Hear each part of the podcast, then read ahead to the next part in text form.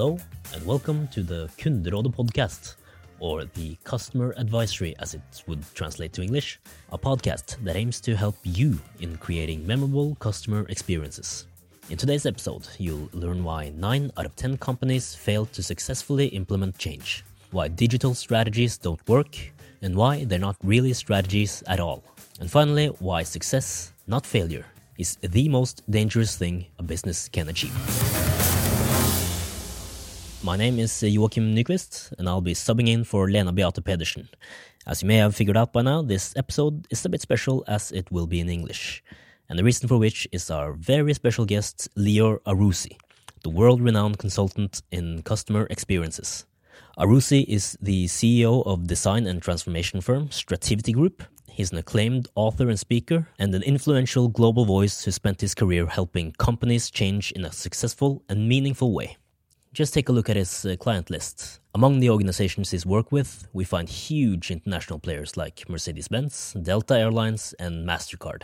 Arussy was a keynote speaker at the uh, Customer Services Days, and I was fortunate enough to speak to him just moments after he had gone off stage. Some might find his opinions provocative, but I don't think he really minds.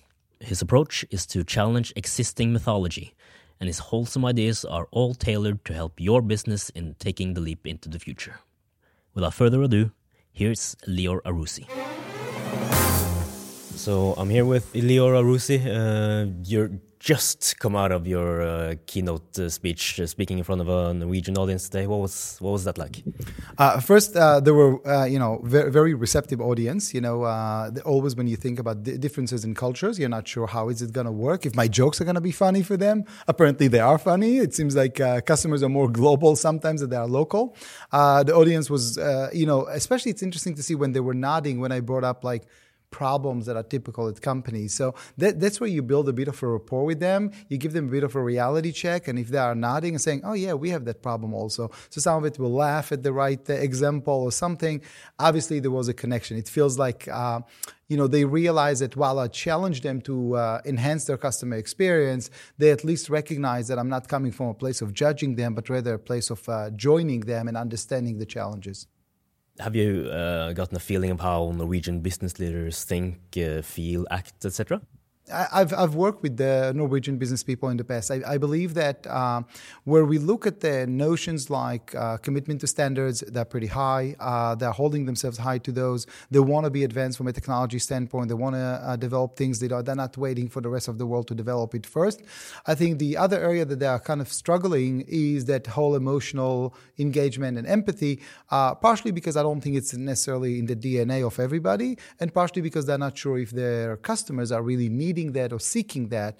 And I think that uh, as the Norwegian uh, market is becoming more diverse with some immigrations that are coming in, uh, you're going to start seeing a different uh, mix of expectations uh, and therefore an, a need for a higher level of sensitivity and empathy. Um, according to your Twitter bio, you're a loving father of five, uh, catalyst for change and transformation, passionate about customer experience and employee engagement. Uh, where does this passion from for customer experience and employee engagement come from? So, in fact, uh, I spent you know 15 years in technology, and uh, you know I had an epiphany when I realized even the most amazing technology needs a motivated person to come and turn on the switch and start something. Technology is not going to solve our problems. Technology is a great tool, uh, but we need to be motivated and interested and inspired. Life has its own challenges, and keeping the inspiration, keeping the motivation over time um, is critical, and especially because we are not fully aware of the fact that our inspiration, our motivation is directly linked to the impact that we have on the people around us. So if one purpose, per, person is inspired, think about it like candles on a birthday cake. You use one candle to light the other candles. The first candle doesn't lose anything, but all of a sudden we have much more light. Uh, I, I find it absolutely inspiring to see people who are discovering, I didn't know I can do that. I didn't know I can rise up to that. I did not know there is a higher version of myself. That's for me the most interesting thing. And, and that's what we achieve with customer experience. That's what we achieve with employee engagement. And that's what ultimately drives profits and growth for organizations. It's the choices of employees. We're in the choice business. Your keynote speech and also your news book uh, is entitled uh, Next is Now Five Steps for Embracing Change, uh, Building a Business That Thrives into the Future. Uh, what are the main points that you want to get across? Uh, Next is Now was born after we worked with so many employees who were struggling with change, and we saw them. You know, rationally they understood it's necessary. Emotionally, they were fighting it with all their strength and all their power. And I wrote the book as, as ultimately an intimate conversation with them about how to adapt to change and why is that. In the past, change was sporadic. It was one event here, one event there. We live in a time where change is happening so fast that we need to develop a whole muscle for it. Change is like it's not like a sprint, it's a marathon. And we need to have the right muscles for that. And most people do not. And, and their natural reaction is to become a victim, to play the victim. Look what the CEO is doing to me. Look what the company is doing to me. Nobody's doing anything to you. Life is happening to your CEO, life is happening to the organization. They just choose to take action and you're choosing to fight it. So, what I try to create in Next is Now is provide them with the reality check to understand A, it happens, it's normal. It's normal to have emotional reaction action, but then you need to take the reign, you need to own it. And I'm spelling out a five steps approach that require them to take a look at the, at the trends and reach their own conclusions, struggle with their own emotions and understand how to manage them split their mission from the tools and not define themselves by the tools, but rather by the mission in order to allow themselves flexibility to go and, and change spend some time practicing so they build their confidence, and then develop daily habits to use change as an, as a, an ongoing regular thing. Together, my challenge to them is to develop change resilience, which is the speed and the scope in which we adapt to change. Uh, it doesn't matter what the product is, it doesn't matter what your solution is. Ultimately, organizations in the future will be relevant if they'll adapt to change faster. And it's a challenge for individuals and it's a challenge for organizations to develop the skills to get there central for your book and keynote is, of course, change and transformation. Uh, but nine out of 10 companies fail at transformation. How, how is that possible? Actually, this is a study that we've done with Harvard Business Review. We benchmarked 422 companies and we asked them about the success of their change programs, of their transformations. And the answer was 9%. 9% said we have succeeded at what we were trying to do. 91% said we either failed or we had to rescope, reduce what we're trying to do, extend the timeline, whatever it is, whatever we planned did not make the finish line. And when we asked them, so why did it happen? What are the reasons? Is it lack of money? Is it lack of time? Is it lack of IT infrastructure? It wasn't any of those. The number one reason was the human factor. People reject the change. Organizations, I would submit to you, are actually designed to repel change. When we say we are following best practices, what is the definition of best practice? Best practice is what we've done five years ago and 10 years ago, and we institutionalize them to become the practice. So, by definition, best practice is like driving a car forward while looking at the back mirror. That's what we are doing. That's the definition.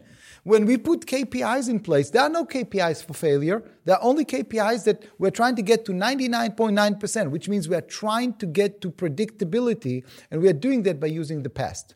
We're using the past as an indicator for the future. But you know what? Yahoo was not an indicator for Google. Google was not an indicator for Facebook. Facebook was not an indicator for Instagram. And so the story goes. And we need to stop using rear mirror in order to define the future. Since change is uh, so difficult, a lot of companies perhaps are thinking, uh, is it necessary? So I spent many years working in Silicon Valley in California, the, the bed place for all the technology innovation. If there's one thing you learn there and very, very fast, is the most dangerous thing to business is success, not failure. Success. And I'm going to give you an example. In 2002, an engineer invented social network called Orkut. It was so successful to the point it almost crushed the servers of that company. And then the founder of that company came and shut it down. That's what gave place to MySpace and Facebook and everything to evolve. The question is who's Orkut and why did they shut it down? Orkut was an engineer at Google. In fact, Google invented the first social network. But Sergey Brin decided to shut it down. And why? Because Sergey Brin's formula for success was superior computer algorithm. That's how he did ranking. Social network basically stipulates that ranking is going to be done based on people ranking, not based on computer algorithm. He couldn't accept this paradigm because his success formula was superior computer algorithm.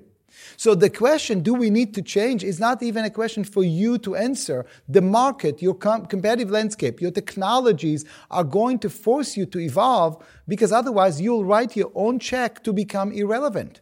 It's, a, it's an ongoing battle to stay relevant to the marketplace in order to keep your profitability and to keep your growth. You've spoken uh, today as well, uh, and uh, numerous times before, about your experience working with the Mercedes Benz, where, uh, as I understood it, an underlying problem was the fact that they focused perhaps too much on their own product and not the uh, not enough on the needs of the customer.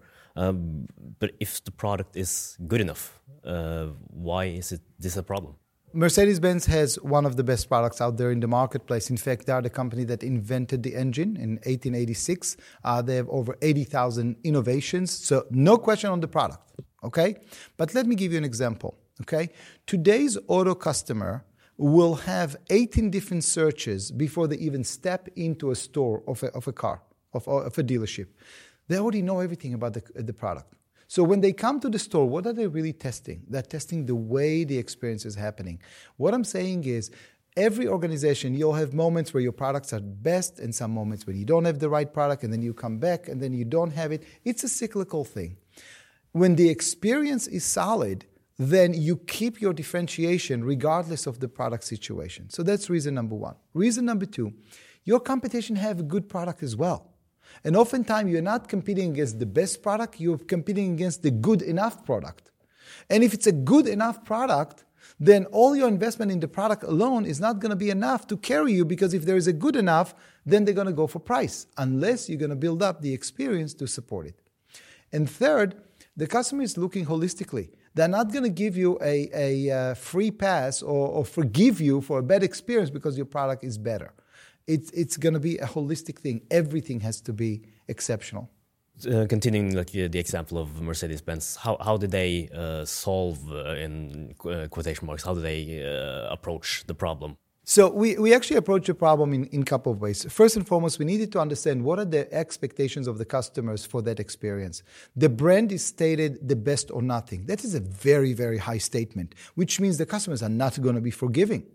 So we needed to take that brand and understand what does it mean from a behavioral standpoint? How would we deliver during sales? How do we deliver during service? How do we deliver during parts? All of these things needed to be specced. The next thing that we needed to do, we need to make sure that we have people who are passionate about the car. We actually found out that 70% of the employees never drove the car. Never drove the car. So they don't know what it really is all about. We took 500 cars and we gave every employee three days, two nights to drive the car. And they were elated. They were amazed. They never knew. 70% never drove the car. Now we made them brand advocates. Then we added some reinforcement in terms of celebrations and stories competitions and KPIs in order to keep the momentum going because they needed to visually see that those standards that we design are happening in real life. So they need to see how to apply it in this kind of customer, how to apply it in this type of customer. All these things, we kept the, the learning going and, and uh, we kept on feeding the network with examples and stories until eventually everybody chose to want to do that. I think you touched on an important point of the fact that you're involving the employees uh, a lot more. Uh, how how can a business uh, make sure that their employees uh, represent the business in the way that like leadership uh, envisions? So this is actually the biggest gap that organizations are ignoring today. They are investing a lot of money in brand, in brand look, in communication. But then when I come to the contact center, when I come to the retail store, I have a cynical employee who couldn't care less, and we don't invest in them as much as we invest in the in the promise. Because for me, all the communication, all the marketing is the promise. I need to make sure that it's consistently delivered by the people. And the people do not understand the brand, do not know how to perform the scenes, do not know or, or any of that. We, we need to go into a massive reskilling and upskilling to get our people to become really the brand advocates. Because if people today trust a review from Airbnb over the advertising of Hilton, that means our employees are more important than the marketing that's been done because they are more authentic. And if they don't believe in it, and if they're not going to swear by it, and if they're not going to share it with everybody, if they're not going to tell their family, how dare you using the competition when I, you know I work there? If they don't say that, then we are missing the big picture. Airbnb is telling us that people are more powerful than advertising. We need to use that. So naturally, it's easy to think uh, for for uh, for a smaller business to think that if uh, a huge company like uh, Mercedes Benz didn't have it figured out, how can I expect my own company to have you know things in order? Uh, but in your experience, what are like the main difficulties business faces, regardless of size or nationalities or whatever? I would first start with the small business example you mentioned, and our, my message will be to all the small business owners: don't look up to the big guys, don't be intimidated by the big guys. The big guys have a problem moving moving so many employees toward that direction. You have smaller group, you can be more authentic and more intimate and, and move and change much faster than somebody else. To move 2,000 employees is much more difficult than to move 25. So focus on your strengths because until the big guys are going to figure out how to do that, you have so much mileage that you can make changes Think about about like in the Japanese world between sumo and judo. Sumo is all about size, judo is all about agility. Play to your agility. Don't try to be a sumo player. So that's the first thing to all the small businesses. The challenge for organizations is they are trying to do customer experience without letting go the old behaviors and the old practices. And I gave examples where we establish processes that are tying the hands of the employees and are not allowing them to perform. That is the challenge that they need to think about. How do we let go the old things and how can we start trusting our people? Because throughout the years, we built so many processes and so many compliance rules that really strip the employees from any way of thinking. And we need to change that. I looked at your Twitter feed the other day and got interested in uh, an article you shared. Um, it was published on the website Chief Executive entitled Why Your Bold 2019 Strategy is Dead on Arrival by February and how to fix it, uh, which uh, which you wrote, um, and in it you detail general problems with business strategies. Uh, what are the things businesses get wrong when outlining new uh, yearly strategies? Well, we turn to call everything a strategy, and that's the big problem. Because when you have everything a strategy, it's like going to the airport during a snow day, all the flights are canceled, and you don't know which one to go first, which one to release first. When everything is a strategy, nothing is a strategy. And I'll give you an example. I remember being uh, called a couple of years ago by an analyst group, and they wanted to interview me for a new report that they're writing about digital strategy. And I said, There's no such a thing. They said, No, no, sir, this is the new thing. You don't understand. Digital strategy is the new thing. I said, No, there is no such a thing as digital strategy. And they said, Why do you say that? I said, Because the, the strategy is customer. Digital is a tool to engage with the customer. You choose to engage with Instagram, you choose to engage with Facebook, you choose to engage with YouTube, whatever it is. Don't turn it into a strategy because if everything is a strategy, nothing is a strategy. And I said, if you want to do that, maybe we should have a finger strategy which finger we, we use for Instagram, which finger we use for Facebook, which finger we use for customer complaint. You can turn everything into strategy. The problem is we call everything strategy and then nothing is a strategy. We need to understand strategy is, is, is very clear. It's about acquiring customers, it's about retaining customers, it's about being relevant to customers. The rest becomes execution tools. So once upon a time we used the phones, then we used chat, and now we are using bots and we're going to use AI but these are engagement tools. They're not strategies. When, when we turn everything into strategy, people get confused and it's very easy to not pay attention. This analyst firm uh, asked you, what do you think the uh, ROI is on Instagram participation? My answer is zero. Because you know, I'm sorry, and this is the part that a lot of digital agencies are going to be upset at me. They're all hyping, you've got to do this, you've got to do that. I remember seeing an article, there were two idiotic employees at Domino's restaurant. They made fun of something and the video went viral. And, and, you know, the article was, the mistake was that they didn't have a YouTube strategy. What the heck is a YouTube strategy? There's no such a thing as a YouTube strategy.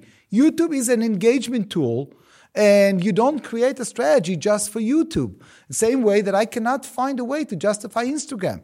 If you find if you find that as a result of engaging in Instagram, you can increase the number of transactions with your customers, the number of uh, the, the size of the purchase, the size of the referrals, Great. Then you know that it's a tactic to support referrals. Then it's a tactic to increase the order size. But Instagram by itself is, is not a strategy. You're just posting pictures and you hope that people are, are liking it. But your, your organization doesn't, doesn't cover liking in the annual report. There's no annual report that says, yo, we, we have achieved X amount of likes on Instagram, therefore our company is very profitable. That's not, there's no linkage. Uh, I, I, read another, another article that uh, experienced CEO Betsy Atkins uh, wrote sure. for Forbes after meeting you, and she claimed that your book is uh, a business book, of course, but not only that, it also puts forward strategies for personal change as well. Uh, in your opinion, how are these linked, uh, business uh, issues and, and personal issues? So, at the heart of everything, relationship is a relationship. We can learn a lot from human relationships on a personal level to the business relationship because the business relationship, we hide behind processes and products, but behind that, there's a human being on one side and there is a customer on the other side. And one can help the other, and one can sense what the other is saying. And I, I, believe that the same struggles that we have in business are manifesting themselves from the struggles that we have in real life. If we don't empathize in real life, we won't know how to empathize in in uh, business life. If we don't listen or ask the right questions in personal life, and therefore don't understand the other person, our spouse, our child, then we won't have the skills to do it in the business life.